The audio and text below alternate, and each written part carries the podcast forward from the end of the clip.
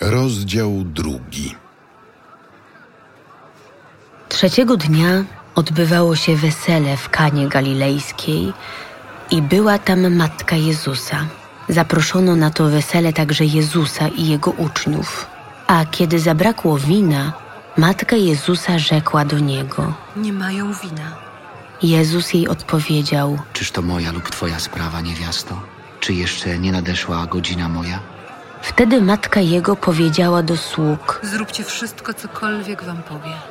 Stało zaś tam sześć stągwi kamiennych, przeznaczonych do żydowskich oczyszczeń, z których każda mogła pomieścić dwie lub trzy miary. Jezus rzekł do sług Napełnijcie stągwie wodą. i napełnili je aż po brzegi. Potem powiedział do nich: Zaczerpnijcie teraz i zanieście staroście weselnemu.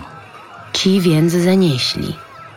Gdy zaś starosta weselny skosztował wody, która stała się winem, a nie wiedział skąd ono pochodzi, ale słudzy, którzy czerpali wodę, wiedzieli, przywołał pana młodego i powiedział do niego: Każdy człowiek stawia najpierw dobre wino, a gdy się napiją, wówczas gorsze. Ty zachowałeś dobre wino aż do tej pory.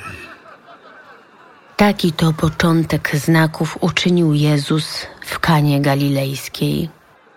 Objawił swoją chwałę i uwierzyli w Niego Jego uczniowie. Następnie On, Jego matka, bracia i uczniowie Jego udali się do Kafarnaum, gdzie pozostali kilka dni. Zbliżała się pora Paschy żydowskiej i Jezus przybył do Jerozolimy. W świątyni zastał siedzących za stołami bankierów oraz tych, którzy sprzedawali woły, baranki i gołębie. Wówczas, sporządziwszy sobie bicz ze sznurów, powypędzał wszystkich ze świątyni, także baranki i woły. Porozrzucał monety bankierów, a stoły powywracał. Do tych zaś, którzy sprzedawali gołębie, rzekł: Zabierzcie to stąd i z domu mego ojca nie róbcie targowiska. Uczniowie jego przypomnieli sobie, że napisano: Gorliwość o dom twój pochłonie mnie. W odpowiedzi zaś na to Żydzi rzekli do niego: Jakim znakiem wykażesz się wobec nas, skoro takie rzeczy czynisz? Jezus dał im taką odpowiedź. Zbóżcie tę świątynię, a ja w trzy dni wzniosę ją na nowo. 40 lat budowano tę świątynię, a ty ją wzniesiesz w przeciągu trzech dni? On zaś mówił o świątyni swego ciała. Gdy zmartwychwstał, przypomnieli sobie uczniowie jego, że to powiedział i uwierzyli pismu i słowu, które wyrzekł Jezus.